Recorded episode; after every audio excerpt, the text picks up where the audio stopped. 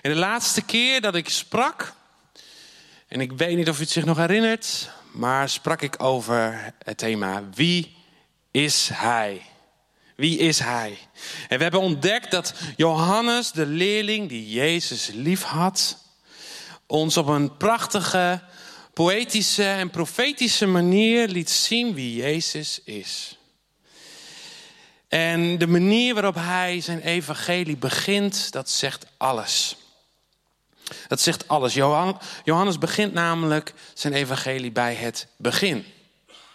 Niet bij het begin van de bediening van Jezus en ook niet bij de geboorte van Jezus, maar bij het allereerste begin.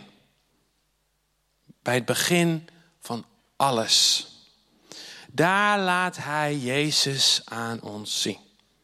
Jezus die er vanaf het allereerste begin was. Die er nu is en die er altijd zal zijn. Johannes die begint zijn evangelie en laten we dat samen lezen met de woorden. In het begin was het woord. En het woord was bij God. En het woord was God. Dit was in het begin bij God. Alle dingen zijn door het woord gemaakt. En zonder dit woord is geen ding gemaakt dat gemaakt is. In het woord was het leven. En het leven was het licht van de mensen. En het licht schijnt in de duisternis.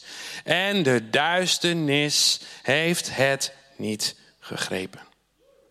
Ah. Amen. Amen. En voor de eerste lezers wordt het heel duidelijk. Johannes de leerling die, die dicht ligt aan het hart van Jezus, heeft een hele bijzondere openbaring gekregen van wie Jezus is. Hij geeft woorden aan wat hij gezien heeft op een ongekende manier. En hij probeert zo goed mogelijk woorden te geven aan het woord met een hoofdletter. Aan hem voor wie geen woorden te vinden zijn. Hij schrijft over de onbeschrijfelijke. Hij spreekt over de onuitsprekelijke. En dat niet alleen. Nee, in het andere boek van Johannes, in Openbaring, lezen we in Openbaring 1, vers 11, dat Johannes oog in oog staat met de onzichtbare. Met Jezus. In al zijn glorie. In al zijn heerlijkheid. In al zijn majesteit. Johannes laat ons Jezus zien in glorie. En op het moment dat je Jezus ziet in al zijn glorie, wordt de vraag aan jou gesteld: maar wie is Jezus voor jou? Dit is wie Jezus is, maar wie is Jezus voor jou? En ook daar geeft Johannes een prachtig antwoord op in het verhaal van de goede herder in Johannes 10. En zo laten de evangeliën, zo laat het evangelie van Johannes ons op een prachtige manier Jezus zien. En ze brengen op een hele krachtige manier het evangelie. Het goede nieuws. Het goede nieuws voor de mensen. En naast dit Johannes-evangelie is er nog een evangelie. Dat ons laat zien wie Jezus voor jou, voor ons, voor alle mensen is. Wie anders dan Johannes. En tegelijkertijd ook weer prachtig. Tegelijkertijd ook weer uniek. Literair kunstig noem ik het. En tijdloos opgeschreven. Het is echt een woord voor de eeuwigheid. En het geeft zeer nauwkeurig en grondig de gebeurtenissen weer. En dit is van, van de vier evangeliën het evangelie dat ons op een prachtige manier uitlegt wie Jezus is. En wat er precies gebeurd is toen hij hier op aarde kwam. Hij legt ons uit in welke context, in welke tijd en wat de betekenis is van al die gebeurtenissen die we tijdens het leven van Jezus hier op aarde hebben mogen zien. En de boodschap van dit evangelie is mocht je nog twijfelen, mocht je nog twijfelen, dan zeg ik tegen jou: twijfel niet meer, want het is 100% waar. En er is geen speld tussen te krijgen. Dit is Jezus, de Messias, de Zoon van God, de Zoon van David, Verlosser, de Heer, God die als mens naar deze aarde gekomen is om zich te verbinden met jou en mij. En dit is het evangelie van Matthäus. En Matthäus begint zijn evangelie anders dan Johannes. En waar Johannes begint bij het allereerste begin, daar begint Matthäus met de stamboom. Met het geslachtsregister van Jezus. Laten we eens met elkaar lezen. Matthäus 1, vers 1. En ik zal niet het hele geslachtsregister lezen. Daar staat: Het geslachtsregister van Jezus Christus, de zoon van David, de zoon van Abraham. En dan volgt de hele geslachtslijn van Jezus. Van Abraham tot aan Jozef. Om duidelijk te maken aan het Joodse volk en aan alle andere lezers, het klopt gewoon. Lees de wet, de profeten, lees de schriften. Je kan niet anders dan concluderen dat Jezus de Messias is, waar de boeken over spreken.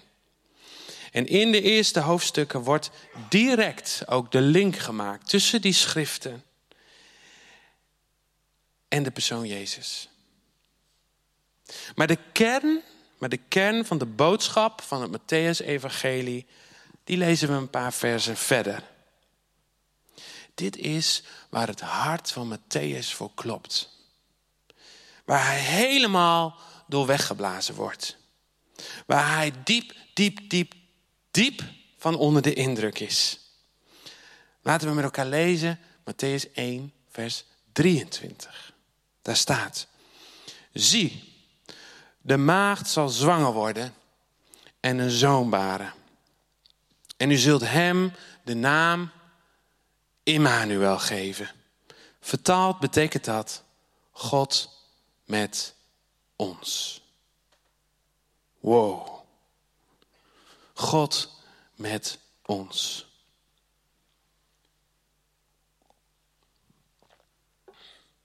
Ga ik te snel? Nee? Oké. Matthäus, Matthäus is het meest onder de indruk van Immanuel.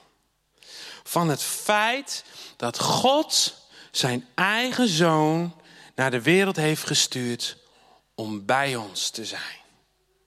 Om zich te verbinden met zijn kinderen. Dat de God die hemel en aarde gemaakt heeft, als mensenzoon naar deze wereld gekomen is om als mens onder ons te wonen. Te leven ja, zelfs te sterven. De God van Abraham, de God van David, wordt mens net als wij. Hij legt zijn hemelse glorie af voor een aards lichaam. En Matthäus, hij is er zo van onder de indruk dat dit de rode draad wordt door zijn hele evangelie heen. Op verschillende plekken ontdek je in verschillende vormen de boodschap Immanuel. Ik ben Immanuel. En hoe is dat voor jou vandaag? Is dat nog steeds waarheid in jouw leven vandaag? God met jou. Ben jij hier nog van onder de indruk? Matthäus die wordt er door weggeblazen. God met ons, de schepper verbonden met zijn schepping, de mens. En niet veraf met rituelen, regels en religie, maar als mens. Zoals jij en ik. Een mens die je aan kan raken, die kan spreken, die je kan zien. Besef ik me nog hoe bijzonder dat is? Besef jij nog hoe bijzonder dat is? En wat betekent dit voor hoe jij vandaag in het leven staat? Hoe jij keuzes maakt. Waar jij wel en niet voor staat. God die zegt, jij bent zo belangrijk voor mij. Jullie zijn zo belangrijk voor mij dat ik er alles voor, voor doe om bij jullie te zijn. Zelfs al word ik geboren in een, in een stal, in een kribbe tussen herders en vee. Ik doe het voor jou. Ik geef alles op voor jou om bij jou te zijn. En in dat licht geef jij nog alles op voor Hem. Om bij Hem te zijn. Maak jij nog tijd voor Hem die in de tijd kwam voor jou? Hoe toegewijd ben jij nog? Is Hij nog steeds jouw nummer één? Voor Matthäus wel.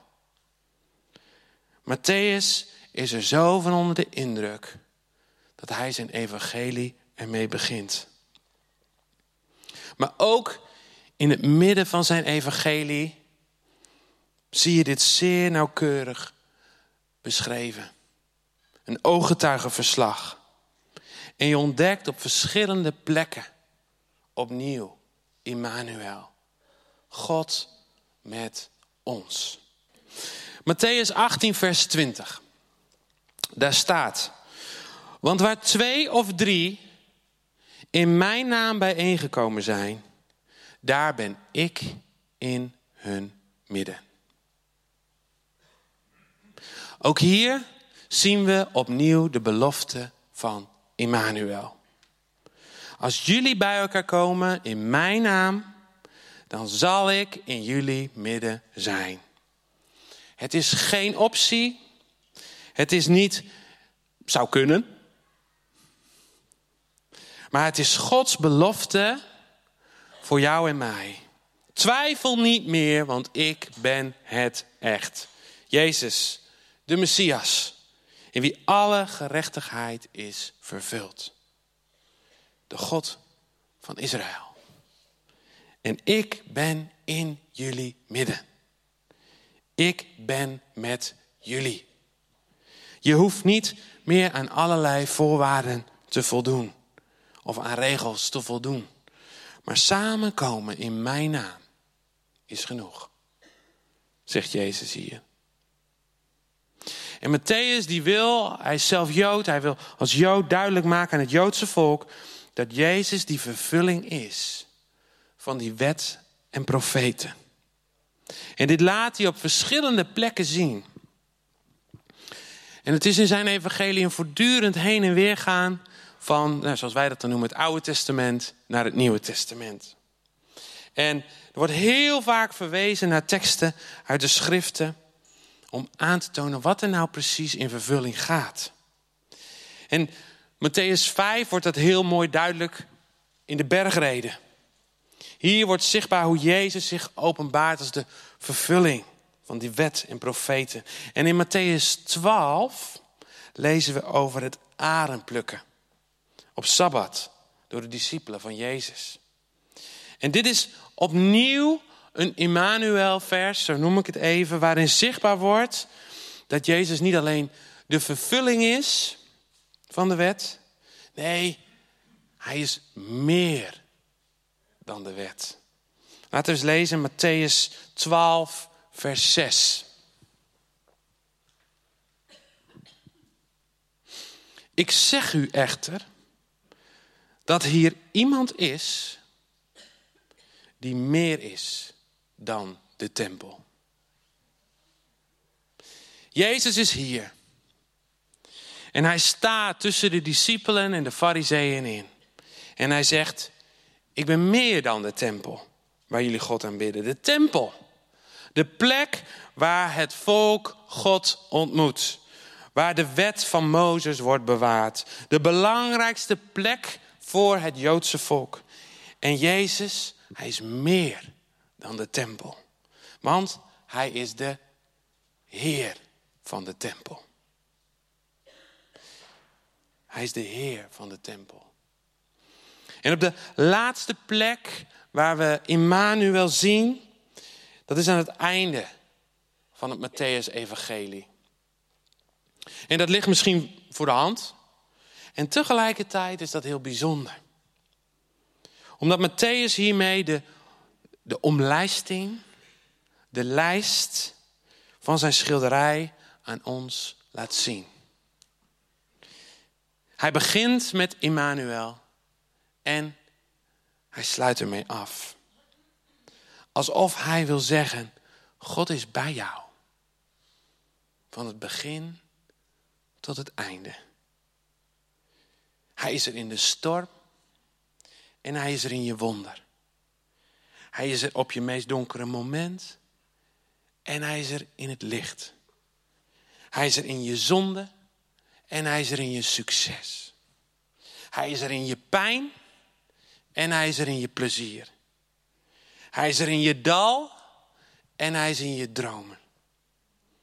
Hij is in je verlies en hij is in je vreugde. Niet meer alleen, maar samen met hem. Laten we eens lezen. Matthäus 28, vers 20.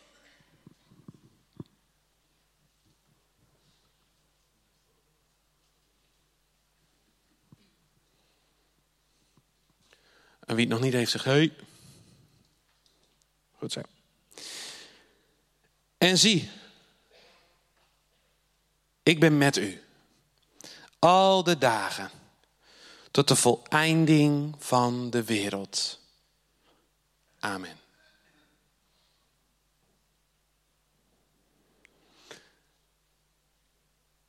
We zijn in gemeenschap met Hem. Dit is waar Matthäus van getuigt. Wat Gods geest door Matthäus heen aan ons, aan jou, aan mij vandaag laat zien. We zijn samen onderweg naar kerst. Naar Emmanuel.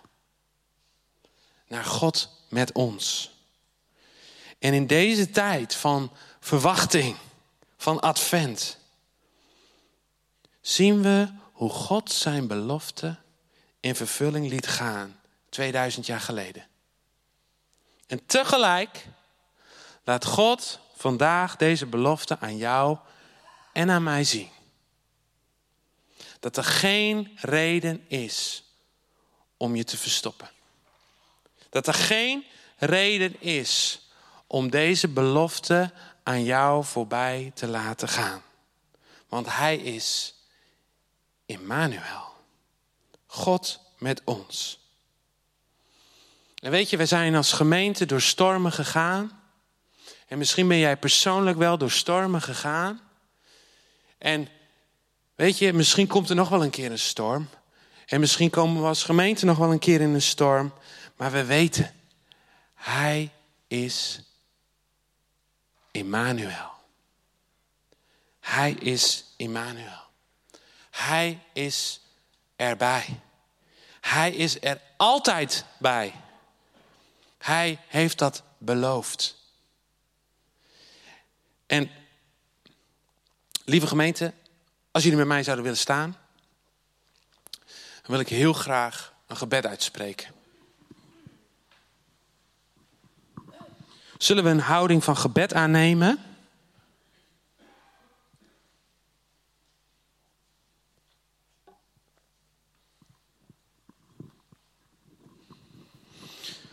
En samen bidden.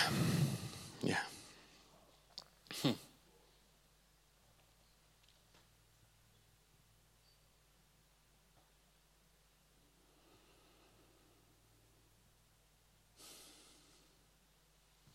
Dank u wel, Heer. Immanuel. God met ons.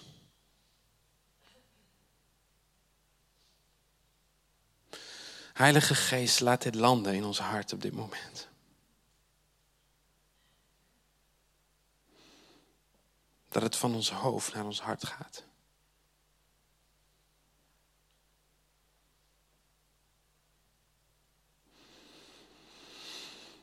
Dat we tot een diep, dieper besef komen van wat dit werkelijk betekent.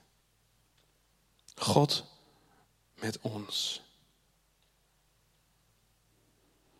Heer, dat we nog meer mogen ontdekken van wie u bent. Heer, we zijn onder de indruk van wie u bent. Dat u zich op zoveel verschillende manieren aan ons laat zien. Dat u zich op zoveel verschillende manieren aan ons openbaart. Dat u elke dag weer opnieuw laat zien hoe ongelooflijk rijk een leven met u is. En dat u ook vandaag opnieuw tegen ons zegt: Lieve schat, ik ben erbij. Ik ben bij jou. Dat u vandaag tegen ons zegt, lieve waardevol leven gemeente. Ik ben erbij. Ik ben bij jullie. Bij mij is geen crisis. Bij mij is geen strijd. Bij mij is geen angst. Bij mij is geen oordeel. Bij mij is overvloed. Bij mij is vrede. Bij mij is liefde. Bij mij is genade. Kom bij mij als je vermoeid en belast bent. En ik zal je rust geven. Geen onrust. Dank u wel, Heer, voor deze belofte. We nemen ze aan. We ontvangen ze op dit moment. U bent hier. U bent Immanuel. God met ons. Amen. Amen. Amen.